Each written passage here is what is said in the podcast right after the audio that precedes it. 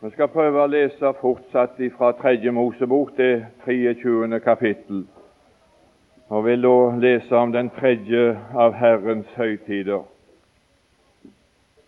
fra det niende vers i Jesu navn.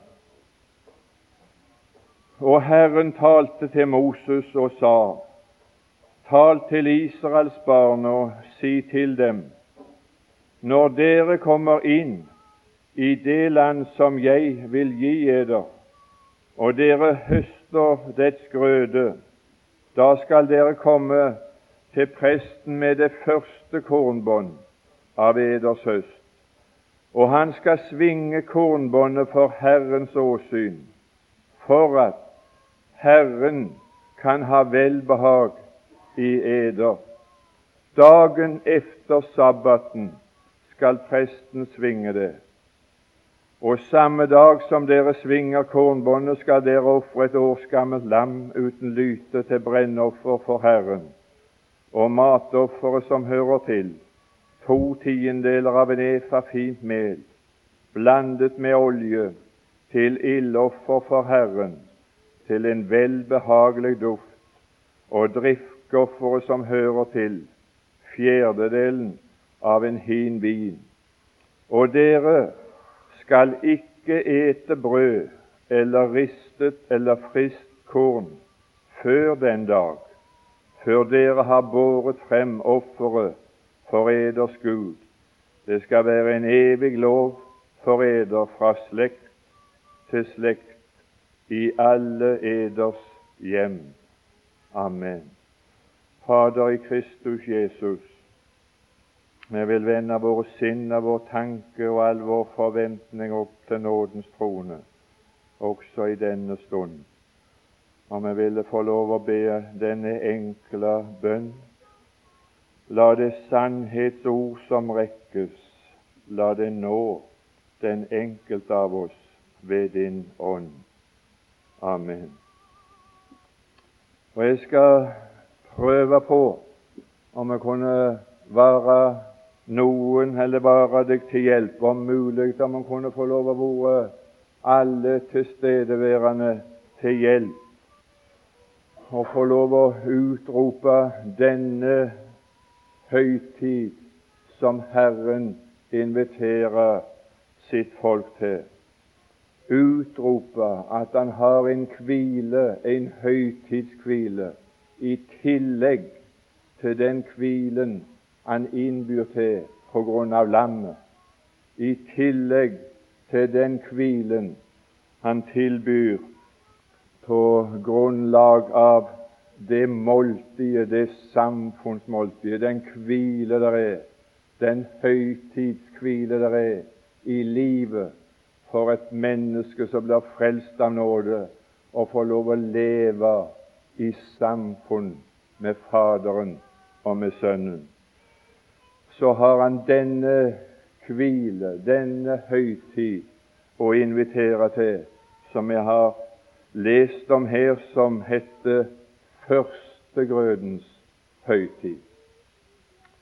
Nå vil jeg først få lov å fortsette med å bruke dette mønsteret som jeg har brukt på, på de andre høytidene. Først å bare gjøre oppmerksom på at det historisk i Israels historie har vært feira en slik høytid ned gjennom alle tider.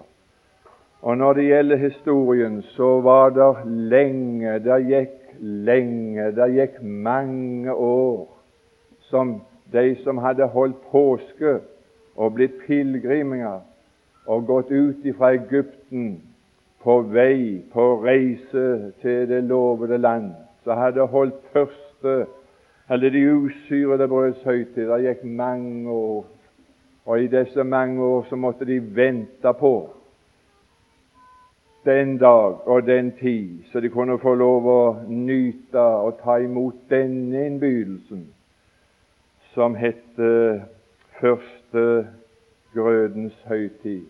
På denne høytid kunne de ikke få nyte eller komme inn i og komme i samfunn med Gud i før de kom inn i det lovede land.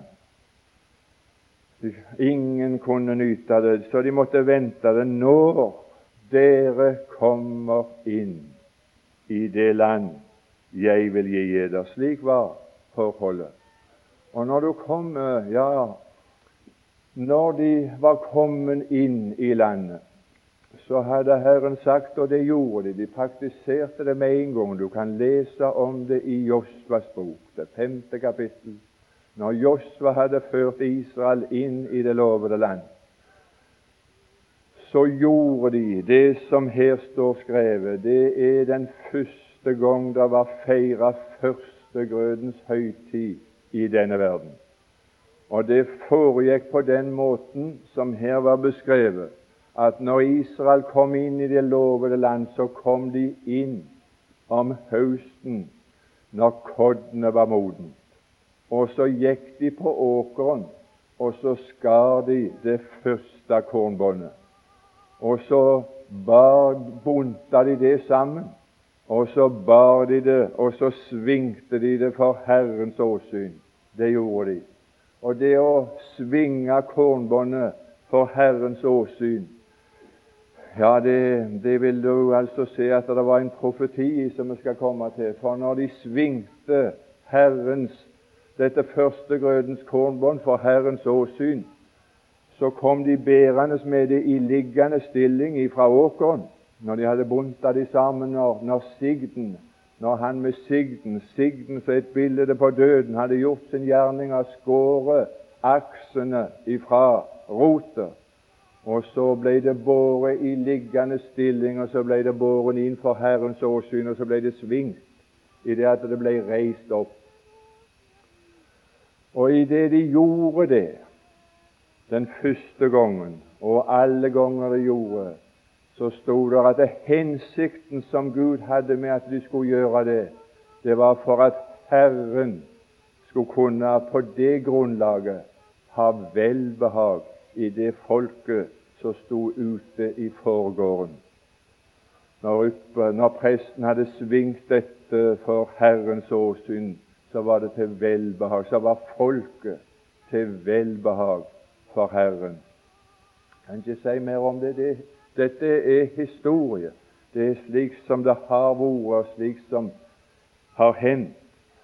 Og det er én ting til i historien som her sto at den dagen de skulle gjøre det, den er betydningsfull. Førstegrødens kornbånd, det skulle svinges for Herrens åsyn tidlig om morgenen dagen efter sabbaten. Det er altså historien. Sånt var det. Alltid dagen etter sabbaten, tidlig om morgenen så har du den profetiske oppfyllelse. Som der, der, der kom en profetisk oppfyllelse av denne første grødens høytid. Og Når du kommer da og leser første Korintiabrev, det 15. kapittel, og kommer der til det 20. vers, så får vi en opplysning om at nå er Kristus oppreist, oppstanden ifra de døde. Og han er blitt førstegrøden.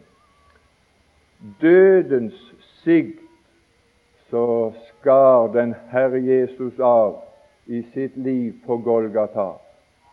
Og så ble han i liggende stilling, båren, og så ble han oppreist. Han ble svingt for Herrens åsyn. Når? Tidlig om morgenen, dagen etter sabbaten, du leser det i Matteusevangeliet, det 28. kapittel, vers 1. Men ved enden av sabbaten, da det lysnet mot dag, da kom kvinnene til graven, og da var Kristus blitt førstegrødens kornbånd, som var blitt svingt for Herrens åsyn. Det er den profetiske oppfyllelse av denne høytid. Ja, jeg bare sier det er bare litt, altså. Men jeg kan ikke si noe mer verken om det historiske eller det profetiske, fordi at det er det ingen tid til. Nå vil jeg få lov å bruke en del tid på den åndelige betydning av første grødens høytid. En vidunderlig åndelig sannhet som Herren ønsker å føre deg inn i, innby deg til, slik at det skulle bli en tilleggshøytid i ditt liv i sammen med Herren. I forbindelse med det som sto, så ligger det en åndelig betydning i den setning når dere kommer inn i det land jeg vil gi eder. Og det løftet som Gud har gitt oss på det åndelige området, det er et løfte som Han har gitt oss i Kristus Jesus. Og da, var, da, var, da gikk, det gikk lange tider før det var noen av Guds folk som kom inn i Kristus Jesus. Før Jesus ble oppreist ifra de døde, så var det ingen som kunne nyte denne høytid. Men etter Kristi oppstandelse, så er det slik som det står i 2. Korintiabrev 12, og det er det andre vers. Og er det noe som vi ønsker, og som vi burde på bibelkurs og andre samvær, så var det å gjøre hverandre kjent med denne dyrebare sannhet som Han gir oss til kjenne her. Jeg kjenner jeg kjenner et menneske, og det mennesket som han nå kjenner, det er et menneske i Kristus Jesus. Etter Kristi oppstandelse så kom de troende inn i Kristus Jesus.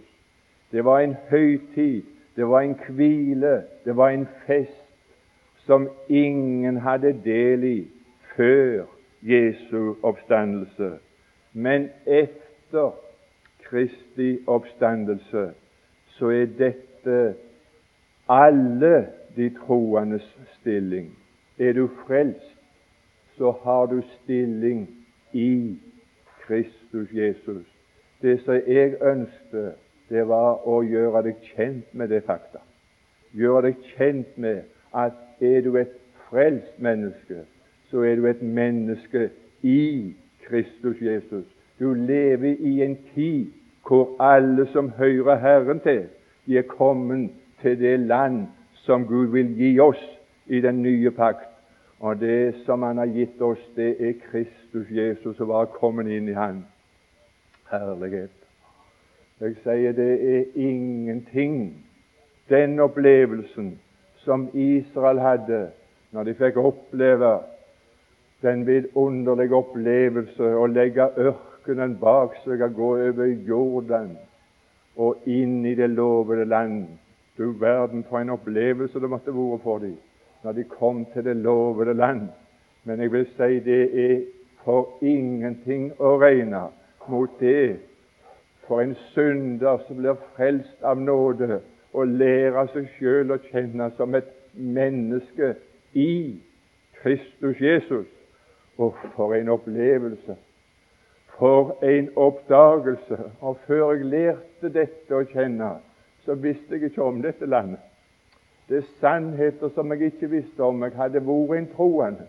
Men før jeg hørte disse sannheter forkynt på en sådan måte at jeg forsto å, det er min stilling. Jeg er kommet inn. Det er bare å gjøre meg kjent her, slå øynene opp ta det i besittelse, sette mine føtter på det, så er det mitt. Jeg kjenner et menneske i Kristus Jesus når dere kommer inn. Og nå er vi kommet inn. Det er ingen som kan være frelst og høre Herren til uten å være kommet inn i Kristus Jesus. Enten er du i Kristus Jesus, eller så er du utenfor Kristus Jesus. Det er ett av to. Og er du utenfor Kristus, så er du ufrelst. Og er du i Kristus Jesus, ja, da er det noe å slå øynene opp og gjøre seg kjent med. Når du kommer inn, og nå er du altså kommet inn. Når du kommer inn pluss. Du, du kunne jo ikke gjøre det før du kom inn, men når du kommer inn og høster dets grøde Ja, de hadde litt av, de hadde litt av en, velsigna, en velsignelse for seg. De kom rett inn i høsttiden. Det bugna av frukter når de kom inn i landet. Du store min. Og når vi kom inn i Kristus Jesus Ja, i Johannes evangeliets 12. kapittel og det 24. vers Johannes evangeliets 12. kapittel og det 24. vers sa Jesus at uten at hvetekornet faller i jorden og dør, så, så blir det ingen frukt. Men dør det, faller det i jorden og dør, så bærer det megen frukt. Å, nå er vi kommet inn i den oppstandende Kristus Jesus, han som var død, men ved sin oppstandelse har båren megen frukt. Har du uh, hatt det travelt med å ta inn og høste av den grøden? Oppstandelsesgrøden. Evangeliet om Jesu Kristi oppstandelse. Vi er vant med å høre evangeliet om Jesu død, men de forkynte evangeliet om Jesus og oppstandelsen. Og det er et vidunderlig evangelie, evangeliet om oppstandelsen. Jo, i sannhet er her megen frukt å høste på det åndelige området. Jeg skal ikke si mer om det, jeg gjør deg oppmerksom på det.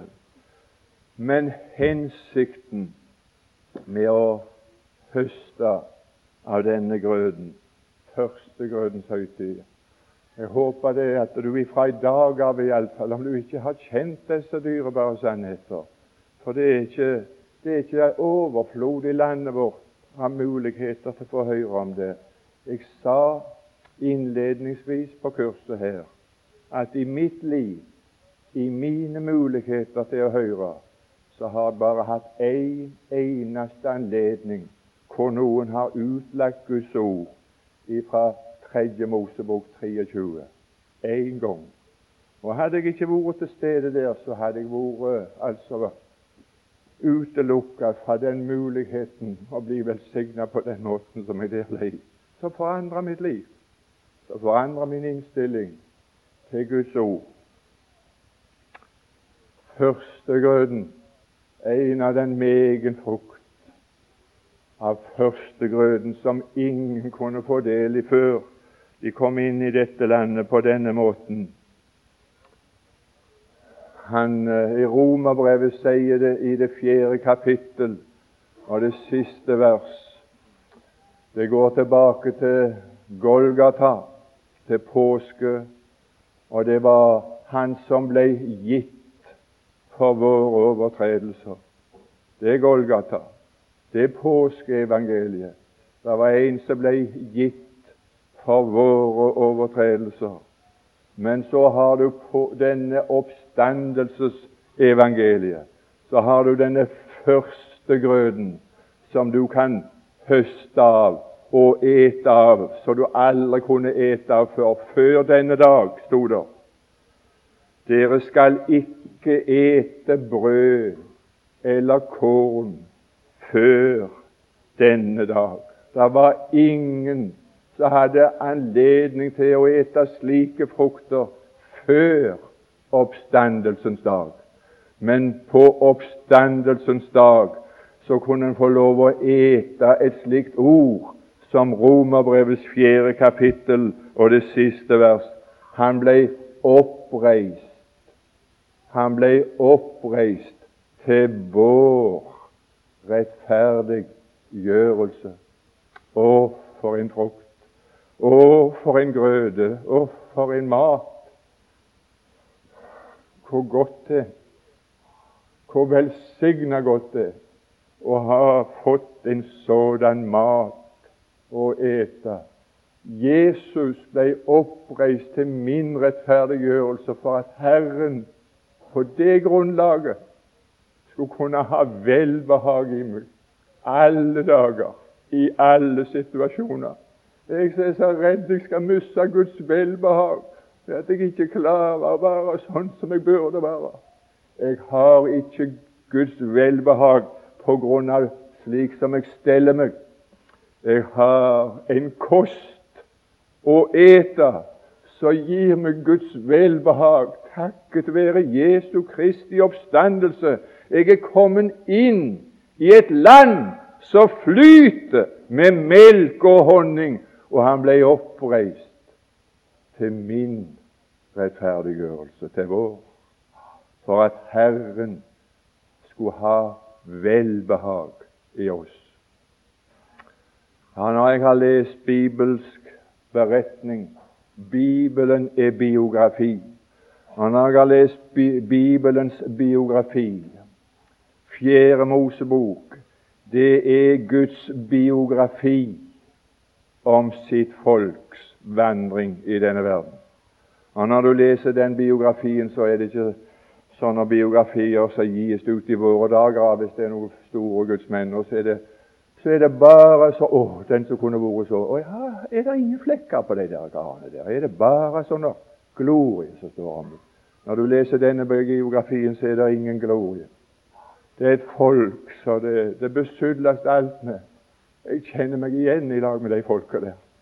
Så de som sto ute i forgården den gangen, det var et folk som ikke kunne ha, vel, ha Guds velbehag over seg på grunn av slik som de hadde vandra. Men nå var det svingt et kornbånd for Herrens åsyn, som skulle være grunnlaget for at Herren skulle kunne ha velbehag i hele den hopen som sto ute i forgården. Å, for en frukt av Kristi oppstandelse! Herren har velbehag i deg på grunn av Kristi oppstandelse. Han ble oppreist til vår rettferdiggjørelse. Det er den åndelige betydning av første grunn. og ikke hele, altså. Det må ingen som må reise hjem og si at 'nå har jeg fått greie på betydningen av alle høytidene'. Jeg har sagt altså at det er, det er bare noen små, utvalgte deler. Det siste delen av, av, av, av den tid som jeg har til rådighet, vil jeg altså legge på det som jeg anser for å være det viktigste med å høre om denne historien om denne profetiske oppfyllelse og om denne åndelige betydning som det ligger i det. Jeg har lyst til å fortelle deg, og hadde lyst til at det skulle få den samme personlige betydning for deg. For hvis det ikke får noen personlige betydning for deg, hva hjelper det alltid sammen? Og Nå vil jeg bare si litt om den personlige betydning det har ut ifra Bibelen, og så kjenner jeg meg igjen at den personlige betydning har det hatt og har i mitt liv. Det står, og vi vil nå holde oss i Hebreabrevet 2, i resten av denne Der finner jeg de personlige betydningene av det. Hebreabrevet 2, og det er det tiende vers så står det dette vidunderlige ord om at det sømmet seg for ham da han førte mange barn til herlighet gjennom lidelser og fullende deres frelseshøvding. Det er altså det er det jeg hadde lyst å skulle få tak i for din personlige del. Jesus førte mange barn til herlighet ved sin oppstandelse, slik som Josva førte Israels barn til herlighet ved overgangen av, død, av Jordanfloden, dødsfloden. Så førte den Herre Jesus mange barn til herlighet ved sin oppstandelse ifra de døde. Og Nå vil jeg nevne tre. altså Jeg har ikke anledning til å stanse for meg. Men disse, disse tre herligheter som Han har ført meg inn i, det er i grunn nok for både denne stund og for for meg å tenke på i det hele tatt. I det ellevte vers så kommer da den første herlighet som han har ført oss til. Det er ikke en herlighet han skal føre oss til ved døden. Det er en herlighet som han har ført oss til her ved sin oppstandelse.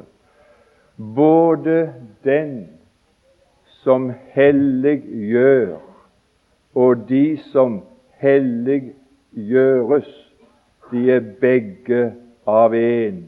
Derfor skammer han seg ikke å kalle dem brødre. Den herlighet var det ingen som var førte til før Jesu Kristi oppstandelse. Det var ingen i denne Han hadde kjødelige brødre, ja visst hadde han det, men det er ikke dem han mener. Men ved sin oppstandelse så førte Jesus mange barn til herlighet, til den herlighet å være hans brødre. Før Jesu Kristi oppstandelse så var Jesus Guds enbårne sønn. Det var bare Guds sønn, den Herre Jesus, som kunne si 'Abba, Fader', for han var enbåren. Men ved sin oppstandelse ifra de døde så bar han megen frukt. Og når han sto opp ifra de døde, så sto han ikke opp igjen som den enbårne. Han sto opp igjen som den førstefødte blant mange brødre. Og Nå skal du høre om en person som ble ført til den herlighet, rent bokstavelig på oppstandelsens dag. Og Du leser om det i Johannes evangeliets 20. kapittel, og du finner det der i det 17. vers. Og det var Maria. Maria ble ført til denne vidunderlige herlighet, og så sier Jesus til henne når, når han gav seg til kjenne, og så sier han, Maria, gå og si til mine brødre Nå hadde den Herre Jesus noen brødre her i denne verden som han ikke hadde hatt før. Nå var det noen som ble ført til den herlighet å være hans brødre. Gå og si til mine brødre, jeg farer opp til min Fader og eders Fader. Hva den herlighet å har blitt ført til, har betydd i mitt liv, det kan jeg aldri få gi uttrykk for. Men det er altså den største herlighet som jeg kjenner til i Bibelen etter at jeg ble frelst at jeg kan for tronen gå og sier Fader. Si Fader. Og det er ikke bare noe jeg kan si når jeg bøyer mine knær. Om det er de legemlige knær, eller om det er hjertets knær, så er det med glede jeg bøyer mine knær for Faderen, som er den rette far for alt som kalles barn i himmelen og på jorden. Å, det er vel noe å være ført til den herlighet, å være barn av Gud, den evige Fader. Det var ingen som var ført til den herlighet før oppstandelsen. Det var ingen som kunne si Fader, Abba, Fader. Han hadde lært sine disipler å si Fader vår, du som er i himmelen. Men det var ikke Abba, Fader. Når jeg ber til min Gud, så sier jeg ikke 'Fader vår, du som er i himmelen', men jeg sier 'Fader i Kristus Jesus'. Jeg sier 'Abba, Far'. Han har sendt sin Sønns ånd i mitt hjerte, ved hvilket jeg roper 'Abba, Far'. Å, for en herlighet! Å være ført til den herlighet takket være Jesu Kristi oppstandelse ifra de døde. Den personlige betydning har det for meg i dagliglivet. Når vad oss skader Bare tenk på hva det er som skader deg i livet. Når vad oss skader Vi kan for troen gå og si far. Fremdeles kan han si far. Fremdeles er barnekår i orden. Om det er noe som skader oss, noe som uroer oss, noe som gjør oss vondt, noe som påfører oss gråt, når hva oss skader, vi kan for tronen gå og si Fader, ditt barn, du hjelper meg. Om en kvinne skulle glemme sitt diende barn så på den måten at hun ikke forbarmer seg over sitt livs synd, så glemmer ikke jeg deg. Det er en som Fader omhu for meg har. Ja, ja, tolvte vers. Midt, midt i menigheten vil jeg lovsynge deg. Du verden, der førte han de til den herlighet. Og det er litt av en herlighet å være ført inn i en menighet med lovsang. Midt i menigheten vil jeg lovsynge deg. Og han som lovsynger der, det er den Herre Jesus. Det er den oppstandende Jesus som lovsynger. Og jeg er kommet til en menighet hvor det er Herren som er leder for lovsangen. Og for en herlighet! Jeg, jeg har altså et øre og et hjerte og et følelsesliv altså som går i oppløsning når det er noen som synger fint, altså på en sånn måte som jeg syns det er fint. da. Det er jo ikke alle som syns det er fint nå til dags. Men altså, jeg går ganske i oppløsning. Og så hender det i mitt liv altså Det hendte til og med, som jeg sa her, altså på veien nedover her, så sang jeg altså. Og grunnen til at du synger Når du ikke synger, ja, det kan være altså forskjellige grunner for det, men når du synger iallfall, så har Jakob sagt 'Den som er vel til mote, han synger'. Og er du ikke vel til mote, så knurrer han helst, og så er han altså stram i maska også. Knytte. Det er noe som knyter seg inn i deg. Men den som er vel til mote, han synger. Ja, han synger lovsanger.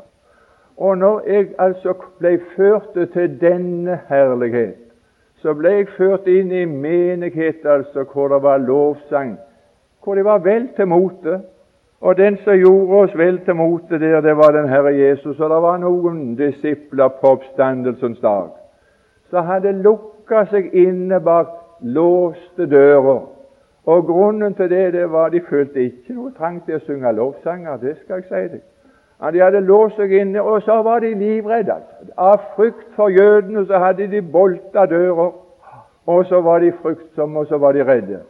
Og midt mens de var samla der, så, så, så, så, opplevde de første grønnens høytid. Så sto Jesus midt iblant dem, og så sa han fred være med eder. Hvorfor Ja, det er stort, da. Det er alltid en gang hvor dypt stikker det. Hvorfor er dere redde? Hvorfor oppstiger tvilende tanker i eder? Hva er det som er grunnen til at når du blir redd? Hva er det som er grunnen til at det ikke er grunn til at du ikke har grunn til å synge? Hvorfor? Hvorfor er du redd? Ja, ja, da står det Å, det er en herlighet. Jeg vet ikke, altså Vanskelig for meg å være opptatt med en sannhet, for jeg har så skrekkelig lett for å si at det er det beste jeg vet. For altså Akkurat det jeg er opptatt med, altså det syns jeg er det beste jeg vet. Og nå må jeg mest si det at dette er det beste jeg vet mest i mitt kristenliv. Og hadde jeg altså kunne ført deg til den herlighet, ikke jeg, men kunne jeg vært med, kunne jeg få lov å være med og gjøre deg oppmerksom på at det her er en sånn herlighet så den Herre Jesus, takket være sin oppstandelse, ønsker å kalle og rope deg inn til. Her er det en herlighet som er tilgjengelig for hvem som helst. Hva sto det? Han svarte på de spørsmålene som han sjøl stilte, så de ikke kunne svare på. Da opplot han deres forstand, så de forsto Skriftene. Før Jesu Kristi oppstandelse så var det ingen av disiplene som forsto Skriften. Sjøl profetene i Det gamle testamentet de hadde ikke muligheter for å forstå det de sjøl skrev som profeter. De skrev dreven av De hellige ånd, men profetene gransaket, gransket og ransaket. Det som de sjøl hadde skrevet, var Den hellige ånd pekte fram imot når han forut i det de skrev, som de ikke forsto, om Kristi lidelser og herligheten deretter. Men da opplot han deres forstand, så de forsto Skriftene. Det kunne ingen før Jesu oppstandelse. Men etter Jesu oppstandelse så er alt Guds folk ført til den herlighet. Du kan forstå Skriftene, for Kristus er nøkkelen. Den oppstand, den, den, den døde Jesus og den oppstande Jesus er nøkkelen. Han, han begynte ifra Moses, ifra alle profetene, gjennom salmene, hele Bibelen. Og så utland for dem det som var skrevet om Kristus. Og så forsto de. Det kunne ingen før hans oppstandelse. Ser du det? Å, for en herlighet å få sin forstand opplastet, så en kan forstå disse skriftene som en leser. At når en leser, så leser vi om Kristus, om det er i Mosebøkene eller det i profetene eller i salmene eller Ja, jeg vet ikke hva alt som Altså er innenfor de 66 bøker i Bibelen. Vers 13 så er det det siste som jeg har. Der står i vers 13 Jeg vil sette min liv til deg. Du verden for en herlighet å bli ført til. Jeg vil sette min liv til deg. De innestengte disiplene som hadde låst seg inne bak lukkede dører, de var det som ble ført til denne herlighet. Han førte de ut ifra den trangen og låste seg inne av frykt. Og så låste han de ut til en herlighet. Nå må det gå. Nå skal du ikke bare gå til Jerusalem, til de veste. Du skal begynne med de veste. Gå og forkynn og forkynn Å, jeg vet ikke noen større herlighet å være førte til enn at i Jesu navn skal omvendelse og syndenes forlatelse forkynnes for alle mennesker. Begynn der de drepte Jesus. Begynn i Jerusalem. Kan du få det til, så begynn å forkynne for Pontius Pilatus forkynte. Hadde de, hadde de visst, hadde de kjent herlighetens Herre, så hadde de aldri korsfestet ham.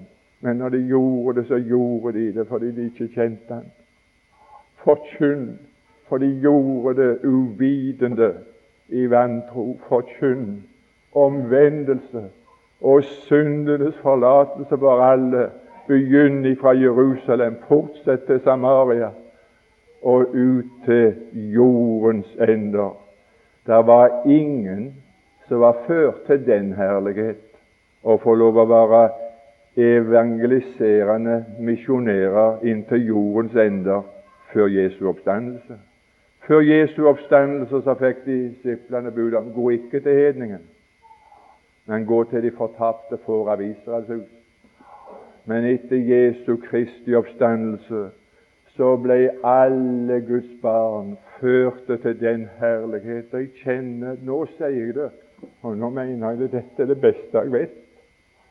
Tanken på alle som er ufrelste i denne stund. Forkynn omvendelse og syndenes forlatelse for dem. Det er det de trenger. Det er det de trenger å høre. Forkynn at selv om Jesus ble drept og myrda her, så er han ikke blitt fornærmet. Han har ikke hevntanker å ta hevn over noen. Han er interessert i å få lov å tilgi. For en herlighet å være ført til å slippe å være innelukte.